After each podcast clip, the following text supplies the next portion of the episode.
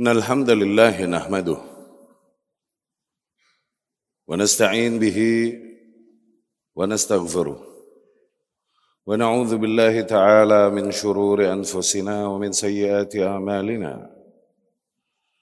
من يهده الله فلا مضل له ومن يضلله فلا هادي له. واشهد أن لا إله إلا الله واشهد ان محمدا عبده ورسوله أما بعد. يا أيها الناس اتقوا ربكم الذي خلقكم من نفس واحدة وخلق منها زوجها وبث منهما رجالا كثيرا ونساء. واتقوا الله الذي تساءلون به والأرحام. إن الله كان عليكم رقيبا يا أيها الذين آمنوا اتقوا الله حق تقاته فلا تموتن إلا وأنتم مسلمون. يا أيها الذين آمنوا اتقوا الله وقولوا قولا سديدا. يصلح لكم أعمالكم ويغفر لكم ذنوبكم. ومن يطع الله ورسوله فقد فاز فوزا عظيما. فإن أصدق الكلام كتاب الله. وخير الهدي هدي محمد صلى الله عليه وسلم وشر الأمور محدثاتها وكل محدثة بدعة وكل بدعة ضلالة وكل ضلالة في النار. أما بعد إخوتي رحمكم الله Allah Subhanahu wa taala mengutus rasulnya sallallahu alaihi wasallam menyampaikan kepada manusia nilai-nilai syariatnya dan juga menyampaikan kepada manusia informasi-informasi yang diperlukan manusia sebagai bentuk pengenalannya terhadap Rabbnya. Disampaikan kepada manusia kewajiban mentauhidkannya baik dari sisi uluhiyahnya, rububiyahnya, dan disampaikan kepada manusia juga dari sisi asma wa sifat yang ada pada Allah Subhanahu wa taala. Di antara dogma keimanan yang disampaikan Rasulullah sallallahu alaihi wasallam adalah di mana kita diwajibkan untuk mengimani qada dan qadar yang baik ataupun yang buruk. Maknanya sebagaimana Allah Subhanahu wa taala menciptakan nilai-nilai kebaikan juga Allah Subhanahu wa taala menciptakan keburukan-keburukan di alam semestanya sesuai dengan kehendaknya dan dengan hikmahnya yang sempurna.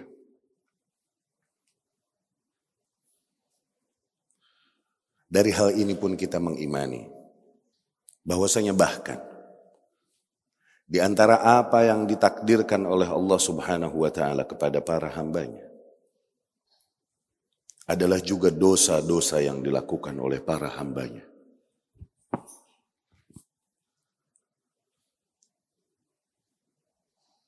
Ikhwatu rahimakumullah. Allah Subhanahu wa taala menciptakan jiwa manusia sebagai sesuatu yang condong mencintai nilai-nilai syahwat. Allah Subhanahu wa taala menegaskan hal tersebut di dalam imannya, di dalam firman-Nya. Zuyyina lin-nasi hubbu syahawat minan nisa wal banin wal qanatir al-muqantarah min adh-dhahab wal fiddah wal khayl al-musawwamah wal an'am wal harth dhalika mata'ul hayatid dunya. Dihiasi bagi jiwa manusia rasa cintanya kepada syahwat. Di antara syahwat-syahwat yang di, jadikan cinta manusia kepadanya dari lawan jenis, dari para wanita. Juga anak-anak. Juga kepada konatir mukomtarah, perhiasan yang gemerlap.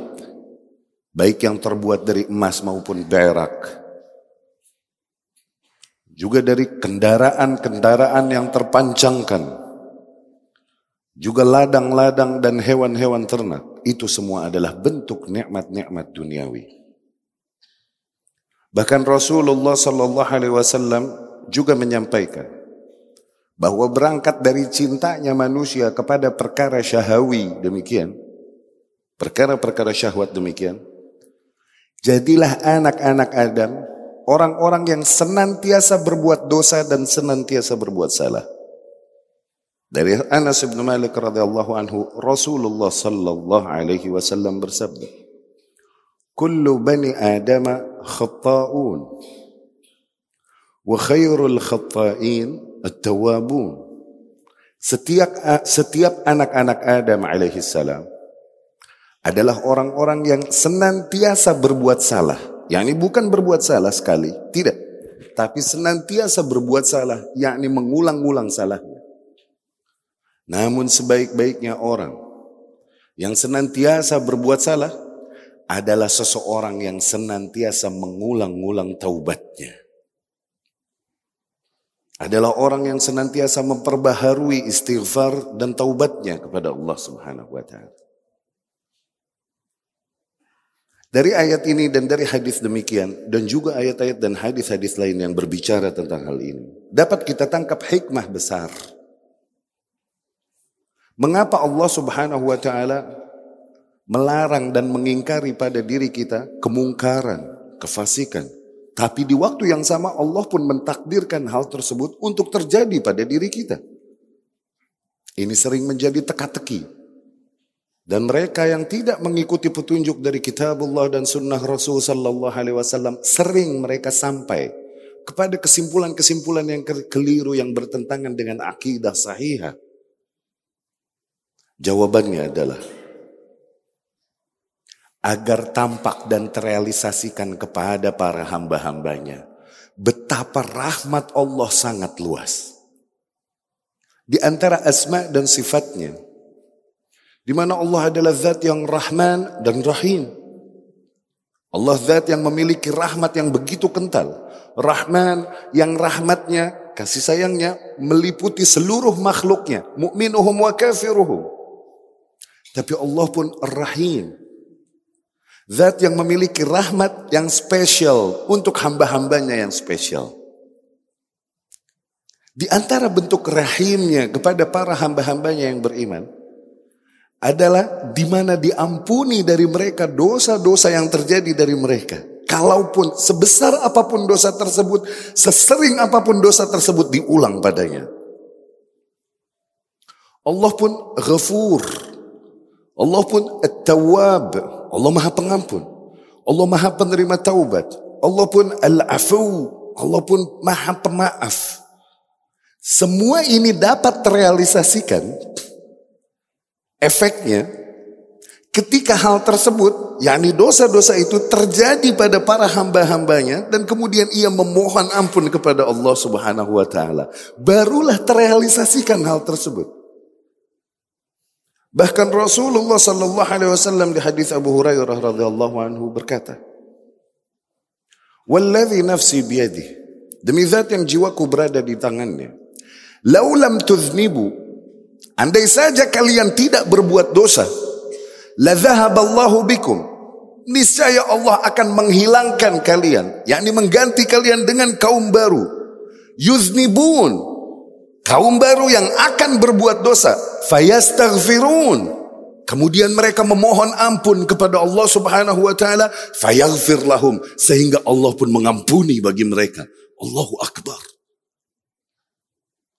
Betapa Allah Subhanahu wa taala begitu cinta agar para hamba-hambanya memohonkan ampunan kepadanya.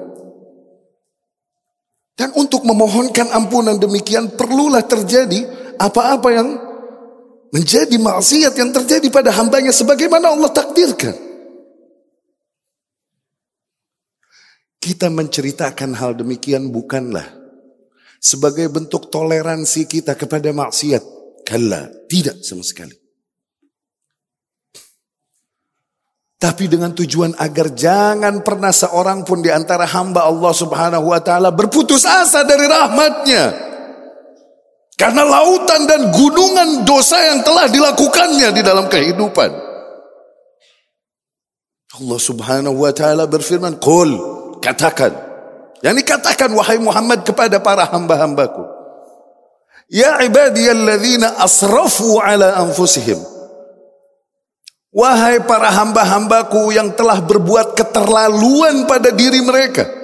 Perhatikan siapa yang mereka panggil, siapa yang sedang Allah seru. Yaitu para hamba-hambanya yang telah berbuat keterlaluan pada dirinya. Menghabiskan umurnya, usianya. Di dalam dosa dan maksiat. Katakan, Wahai para hamba-hambaku yang telah berbuat keterlaluan ke atas diri mereka. La taqnatu min rahmatillah. Jangan pernah kalian putus asa dari rahmat Allah. Inna Allah jami'a. Sesungguhnya Allah mengampuni seluruh dosa.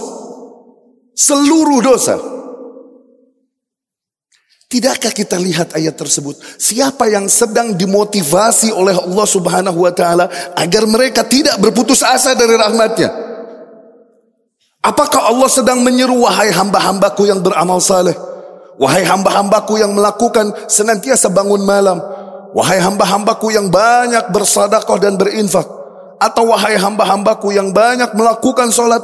Apakah mereka yang Allah seru dan Allah panggil? Bukan. Yang sedang Allah motivasi untuk jangan putus asa dari rahmat Allah adalah kita. Hamba-hambanya yang penuh dan berlumur dalam kubangan dosa-dosa. Wahai hamba-hambaku yang berbuat keterlaluan ke atas diri mereka. Jangan pernah kalian putus asa dari rahmat Allah. Sesungguhnya Allah senantiasa mengampuni seluruh dosa. Ikhwatu rahimakumullah. Bahkan betapa besar rahmat Allah subhanahu wa ta'ala ke atas kita. Ini tergambar dari sebuah hadis yang disampaikan Rasul sallallahu alaihi wasallam yang menceritakan bahwa betapa iblis dan bala tentaranya menjalankan tugasnya dan mereka bersumpah untuk menjalankan tugasnya untuk menyimpangkan anak-anak Adam alaihissalam. Qala syaitan, syaitan berkata kepada Allah Subhanahu wa taala, "Wa izzatik ya Rabb." Demi kemuliaanmu ya Rabb. La abrah aghwi ibadak ma damat arwahuhum fi ajsadihim. Demi Allah, aku akan terus simpangkan hamba-hambamu Selama jiwa mereka masih berada di dalam fisik mereka. Lihat sumpah syaitan untuk menyimpangkan kita. Syaitan adalah musuh yang nyata bagi kalian. Aku akan terus simpangkan hamba-hambamu selama ruh mereka masih berada di dalam jasad mereka. Kalau Allah Azza wa Jal. Allah pun membalas perkataan syaitan. Wa izzati wa jalali. Demi kemuliaanku dan demi keagunganku.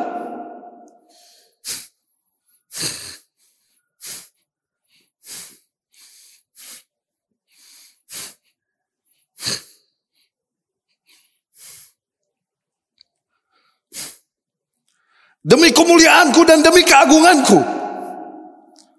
La azal aghfir lahum mastaghfaruni. Aku akan terus ampuni bagi mereka dosa-dosa mereka. Selama mereka masih memohonkan ampunannya kepadaku. Allahu Akbar. Allahu Akbar. Bahkan betapa besar rahmatnya, betapa karamnya Allah subhanahu wa ta'ala, betapa dermawannya. Dikisahkan tentang sifatnya.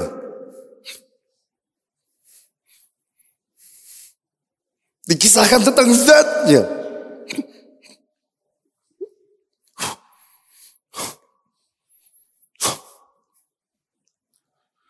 Rasulullah sallallahu alaihi wasallam bersabda,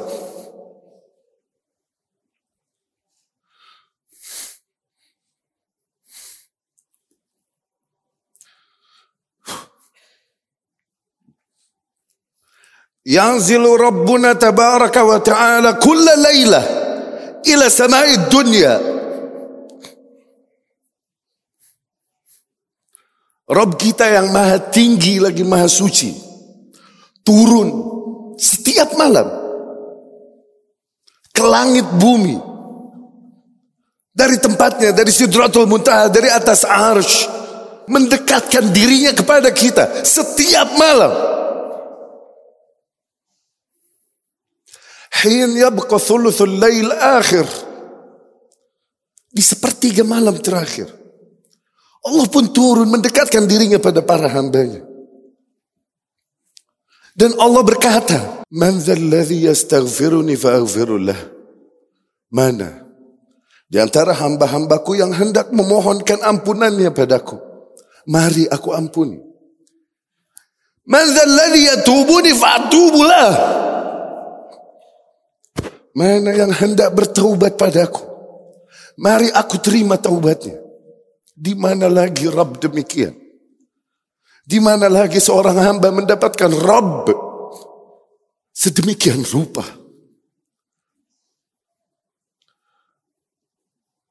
Bahkan bukan hanya mengampuni dosa seorang hamba. Ikhwatu rahimakumullah. Sebesar apa pun dosa yang dilakukan seorang hamba. Bahkan lebih dari itu. Berdasarkan apa yang kita dapatkan dari informasi dari Rasulnya Sallallahu Alaihi Wasallam bahwa bahkan Allah Subhanahu Wa Taala bahagia ketika para hamba yang memohonkan ampunan padanya. Allah Subhanahu Wa Taala bahagia ketika hamba-hambanya sebesar apa pun dosa mereka memohon ampunan kepada Allah Subhanahu Wa Taala.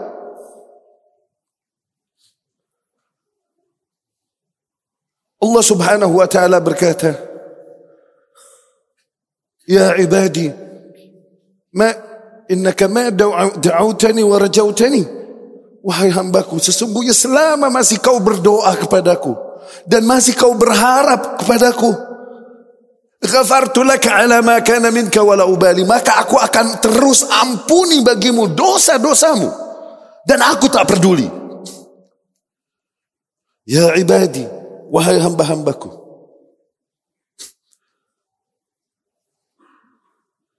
Lau balagat dhunubuka anana sama. Andai saja dosa-dosa kalian memenuhi antara langit dan bumi, yakni catatan dosamu. Begitu banyak luar biasa bahkan memenuhi jarak antara bumi dengan langit. Thumma kemudian kau berkata astagfirullah. Kau memohon ampunan kepadaku. Ghafartu laka ala ma kana minka ubali. Maka aku ampuni bagimu seluruh dosa-dosamu dan aku tak peduli. Allahu Akbar. Astagfirullah. La tata'azam ala Allahi syai'an. Jangan pernah kau terlalu menganggap ada sesuatu yang terlalu besar, terlalu luas untuk Allah Subhanahu wa taala ampuni. Astagfirullah satu kalimat yang tak pantas seorang muslim untuk meremehkannya. Bisa jadi dengan satu kalimat ini Allah ampuni lautan dosa kita. Dengan satu kalimat astagfirullah. Thumma astaghfartani kemudian kau beristighfar kepadaku. Aku ampuni bagimu dosa-dosamu dan aku tak peduli. Ya ibadi wahai hamba-hambaku. Lau ataitani bikurabil ardi khataya. Andai saja kau mendatangiku. Dan kau mendatangiku membawa catatan dosa sepenuh muka bumi. Allahu Akbar.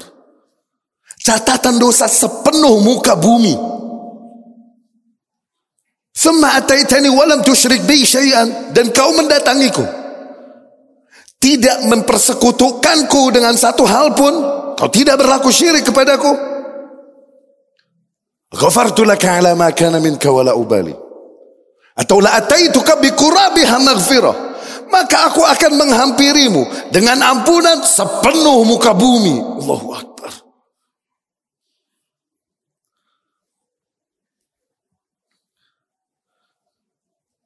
Allah pun subhanahu wa ta'ala berkata di dalam hadis kudsinya masih.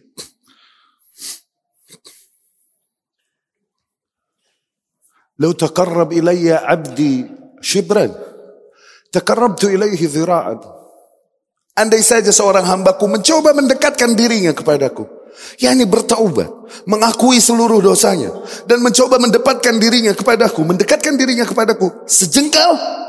Taqarrabtu ilaihi zira. Maka aku akan mendekatkan diriku kepada hambaku satu lengan. Lau taqarrab ilayya zira dan apabila hambaku mendekatkan dirinya kepadaku satu lengan Taqarrabtu ilaihi ba'a. Maka aku akan mendekatkan diriku kepadanya sebentangan tangan. Lau atani yamshi. Andai saja hambaku berjalan kepadaku. Mendekatkan dirinya kepadaku yamshi dan dia berjalan. Ataituhu harwalah. Aku pun akan menghampirinya. Dengan setengah berlari. Allahu Akbar. Aina misla hadha Rabb. Di mana lagi seorang hamba temukan Rabb yang sedemikian rupa mencintai dan merahmati para hamba-hambanya. Aku qawli hadha wa astaghfirullah li wa بسم الله والحمد لله وقد كفى. والصلاة والسلام على سيد المصطفى وعلى آله وأصحابه ومن كانوا بآثارهم اقتفى. أما بعد إخوة رحمكم الله. Betapa banyak ayat-ayat dan hadis-hadis yang menggambarkan betapa luasnya rahmat Allah Subhanahu wa taala dan betapa ampunannya bagi para hamba-hambanya. Kalaupun terjadi pada hambanya tersebut dosa yang berulang-ulang. Janganlah seseorang berputus asa dari rahmat Allah. Agar ia senantiasa berhusnudzon kepada Allah subhanahu wa ta'ala bahwa sungguh tidak ada dosa yang terlalu banyak atau terlalu besar untuk Allah ampuni. Allah Subhanahu wa taala berkata, "Aznaba 'abdun dzamba." Seorang hamba berbuat dosa. Wa ya'lam anna lahu rabban yaghfiru dzunub wa ya'khudh bidzamb. Namun dia sadar, dia memiliki Rabb yang senantiasa mengampuni dosa dan menghapuskan dosa. Dia berkata, "Ay rabbighfirli." Wahai Tuhanku ampuni aku. Ghafartulah, maka aku ampuni baginya. Thumma a'ada fa'aznab. Kemudian ia ulang lagi, ia berbuat dosa lagi. Ya'lam anna lahu rabban yaghfiru dhunub wa ya'khudh bidhanb. Namun ia masih yakin dia memiliki Rabb yang maha menghapuskan dan mengampuni dosa. Dan dia berkata, Ay Rabbi firli, wahai Tuhanku, ampuni aku. Ghafartulah, maka aku ampuni baginya. Thumma a'ada fa'aznab. Kemudian ia ulangi lagi. Ia ulangi lagi dosa tersebut. Namun ia masih yakin. Tidak dia berputus asa dari rahmat Allah. Tidak pernah berkurang husnudzannya kepada Allah Subhanahu wa taala. Ia masih memiliki Rabb yang senantiasa menghapusi mengambil dan menghapuskan dosa.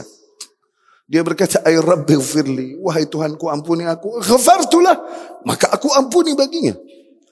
Thumma aada fa'adnab. Kemudian ia ulang lagi kembali ia berbuat dosa. Allah pun Subhanahu wa taala berkata, "Falyaf'al 'abdi ma syaa, faqad ghafartulah." Maka bagi hambaku itu, agar lakukan apa pun yang ia mau, sungguh telah aku ampuni baginya dosa-dosanya. Allahu Akbar. Lihat betapa Allah subhanahu wa ta'ala yang mentakdirkan dosa padanya. Dan Allah pun subhanahu wa ta'ala adalah zat yang memberikan taufik padanya untuk senantiasa beristighfar dan bertaubat. Dan Allah janjikan dan Allah adalah zat yang tak pernah mengingkari janjinya. Bahwa selama hambanya memohonkan ampun kepadanya, maka Allah akan senantiasa mengabulkan baginya permohonannya. Namun dari taubat dan istighfar demikian ikhwati rahimakumullah. Terdapat beberapa syarat yang harus dipenuhi seorang hamba. Agar istighfar dan taubatnya diterima oleh Allah subhanahu wa ta'ala. Ada beberapa nilai yang perlu diketahui oleh seorang hamba di dalam proses istighfar dan taubatnya. Yang pertama, Agar ia betul-betul menyesali apa yang telah dilakukannya. An-nadam, penyesalan. Menyesali apa yang telah dilakukannya. Akui bahwa itu adalah dosa. Dan sesali. Jangan kau banggakan dirimu dengannya. Ini keliruan, kekeliruan sebagian ikhwah. Yang kemudian mengenal dakwah. Yang kemudian bercerita kepada manusia tentang bagaimana kemungkaran dan kerusakan yang dulu dia lakukan. Tidak. Seseorang yang bertaubat. Dan tulus di dalam taubatnya tidak akan memilih jalan itu. Nadam. Penyesalan. Kemudian tekad untuk tidak mengulanginya lagi. Ikhlas. Agar ia bertekad memohon ampunan kepada Allah dan memohon taufik. Jaga aku dari hal tersebut. Agar penuhi hal itu. Informasi.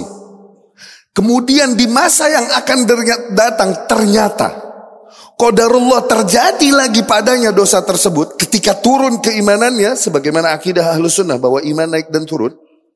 Turun lagi keimanannya dan terjadi lagi padanya dosa tersebut. Penuhi lagi syarat tadi. Tekadkan untuk tidak mengulangi lagi. Jangan kau berputus asa dari rahmat Allah. Dan jangan kau meremehkan apa yang terjadi padamu dari dosa-dosamu. Tekad untuk tidak mengulanginya lagi. Kemudian agar ia bersegera di dalam bertaubat. Bersegera memohon ampunan Allah Subhanahu wa taala. Jangan menunda-nundanya sehingga penyesalan tersebut hilang darinya. Taufik tersebut untuk memohon ampunan Allah hilang darinya. Jangan. Apalah lagi sehingga ajal keburu mendatanginya. Allah berfirman, "Wasari'u ila maghfiratin min rabbikum wa jannah 'arduha as-samawati wal ard u'iddat lil muttaqin." Dan bersegeralah kalian menuju pengampunan dari Tuhan kalian. Dan surga itu yang luasnya antara langit dan bumi. Sungguh telah dijanjikan bagi orang-orang yang bertakwa. Telah dipersiapkan bagi orang-orang yang bertakwa. Bersegera, jangan ia menunda taubatnya. Kemudian di antara nilai yang harus diketahui. Agar ia jadikan dosa-dosa tersebut antara dirinya dengan Allah subhanahu wa ta'ala. Jangan ia umumkan dosanya kepada manusia. Rasulullah sallallahu alaihi wasallam berkata, "Kullu ummati mu'afan illa al-mujahirin." Semua umatku insya Allah senantiasa dimaafkan bagi mereka. Kecuali para mujahirin. Mujahirin adalah seseorang yang berbuat maksiat di siang hari. Namun Allah masih merahmatinya. Allah tutupi aibnya dari mata manusia. Namun di malam hari dia ceritakan kepada manusia tentang apa yang telah dilakukannya. Atau ia berbuat maksiat di malam hari. Namun Allah masih merahmatinya. Allah tutupi aibnya dari mata manusia. Eh di siang hari dia bercerita kepada manusia tentang apa yang telah dilakukannya. Tidak. Jadikan dosa-dosamu dan aibmu antaramu dengan Allah subhanahu wa ta'ala.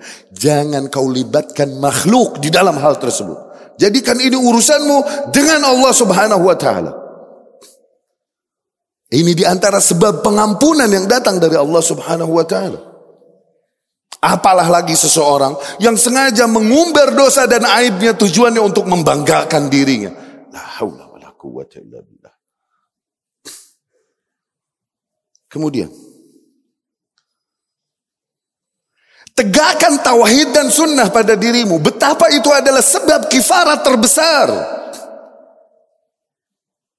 Pelajari tauhid, terapkan dalam dirimu, istrimu dan anakmu. Pelajari sunnah, terapkan dalam dirimu, istrimu dan anakmu. Serukan manusia kepadanya. Ingkari nilai-nilai yang bertentangan dengannya dari kesyirikan dan kebidahan. Para ahlul batil tak lagi malu menyerukan kepada kesyirikan dan kebidahan mereka. Tak ada wara pada lisan mereka untuk mengingkari para ahli tauhid dan ahlu sunnah. Kita ahlu sunnah. Kita lebih berhak untuk berbangga dengan apa yang ada pada kita. Ingkari kesyirikan dan kebidahan dan syubhat-syubhat yang menyimpangkan manusia. Kita lebih berhak untuk berbangga dengan kebenaran yang ada pada kita. Mengapa kita berkecil diri karena sunnah, karena hak yang kita pegang teguh? Kenapa kita minder menghadapi manusia? Karena kebenaran yang kita teguh, yang yang kita pegang teguh. Rasulullah sallallahu alaihi wasallam bercerita, "Yusah birajulin min ummati ala ru'usil khalaiq al qiyamah." Suatu hari dipanggil salah seorang dari umatku di hadapan para makhluk di hari kiamat. Yunshar lahu tis'ah wa tis'ina sijillat. Disidang, dihadapkan, dihamparkan, dihadapannya, dihadapannya 99 lembaran. Lembaran tersebut merupakan catatan dosa. Ada 99. Wa kulla sijillin muddal basar. Dan setiap lembaran tersebut panjangnya sejauh mata memandang. Ini semua dosanya. Dan diakuinya. Apakah kau mengakuinya? Bala ya Rab. Kemudian dikumpulkan 99 lembaran ini ditaruh di satu sisi timbangan. Mizan. Bagaimanapun kau punya nilai kebaikan di sisi kami. Kemudian ditampakkanlah amal salehnya. Ternyata amal salehnya hanyalah selembar kartu, secari kertas. Tapi tertulis padanya, Asyhadu an la ilaha illallah wa asyhadu anna Muhammadar Rasulullah. Tentunya seseorang akan meremehkan hal ini. Apalah arti selembar kertas atau secari kertas ini dibandingkan dengan dosa yang menggunung tadi? Namun semua hal akan Allah hitung di hari itu. Tidak ada yang dizolimi. Sekecil apa pun akan Allah hitung. Ditaruhlah la ilaha illallah Muhammad Rasulullah di satu sisi timbangan satunya. Ternyata tarajjahat biha la ilaha illallah Muhammad Rasulullah. Ternyata lebih berat la ilaha illallah Muhammad Rasulullah. Terhapuskan dan diampuni dosa-dosanya dengan la ilaha illallah Muhammad Rasulullah. Perhatikan. Apa la ilaha illallah dan Muhammad Rasulullah yang dapat menyelamatkan hamba demikian di akhirat? Bukanlah hanya ucapan yang diucapkan lidah. Namun tak dipenuhi konsekuensinya di dalam kehidupan. Hamba tersebut dengan lautan dosanya adalah seorang yang hamba yang bertauhid baik. Tak sudi dia mengerahkan atau mempersembahkan ibadah di antara ibadah-ibadahnya untuk hal lain selain Allah Subhanahu wa taala. Dia ingkari kesyirikan. Terlepas dari dosanya yang melaut. Hamba tersebut, kalaupun dosanya begitu banyak, adalah seseorang yang tak sudi untuk melakukan ibadah kecuali hanya ibadah yang diajarkan Rasul sallallahu alaihi wasallam, sunnah. Dan tak sudi dia mengika, meyakini nilai-nilai kecuali nilai yang datang dari Rasulullah sallallahu alaihi wasallam. Demikian Muhammad dan Rasulullah pada dirinya. Betapa tauhid dan ittiba begitu kental padanya. Dengan itu menjadi sebab diampuni baginya dosa-dosanya. Allahu Akbar. Dan bid'ah. Ikhwati rahimakumullah. Tinggalkan bid'ah. Ingkari bid'ah. Karena bid'ah dikhawatirkan. Menjadi sebab terhalangnya taubatmu. Rasulullah sallallahu alaihi wasallam bersabda. Yaqbalullahu taubata Inna Allah Ta'ala la yaqbalu taubata sahibi bid'ah hatta yada'aha. Sesungguhnya Allah tak mau menerima taubat dari seorang pelaku bid'ah sehingga dia tinggalkan bid'ah tersebut. Ya, betapa di antara keburukan bid'ah membuat taubatmu tidak diterima oleh Allah Subhanahu wa taala. Di sanad lain Rasul sallallahu alaihi wasallam berkata, "Inna Allah taala tajazat taubah an kulli sahib bid'ah." Sesungguhnya Allah menghalangi dari setiap pelaku bid'ah taubatnya. Ditanyakan kepada Imam Ahmad, ya Imam apa makna hadis ini? Makna hadis tersebut adalah Inna Allah la yuwaffiquhu wa la yuyassiruhu litaubah. Maknanya adalah karena bid'ah-bid'ah yang dilakukannya dengan itu Allah tidak memberikannya taufik, tidak memudahkan baginya untuk bertaubat kepada Allah Subhanahu wa taala. Ma'azallah. Tinggalkan bid'ah. Ingkari bid'ah pada dirimu dan keluargamu. Itu di antara sebab ampunan terbesar. Ikhwati rahimakumullah. Semoga nasihat yang kami sampaikan dapat menjadi nasihat bagi diri kami dan bagi hadirin semua. Dan semoga Allah Subhanahu wa taala mengampuni dosa-dosa yang terjadi pada kita, baik dosa-dosa yang kita sadari ataupun tidak. Allahumma a'izzal Islam wal muslimin wa ahlikil kafarata wal mubtadi'ata a'da'aka a'da'ad-din. Allahumma mazzik jam'ahum wa shattit shamlahum wa zalzil aqdamahum wa alki fi qulubihim ar-ra'bah innaka ala kulli shay'in qadir.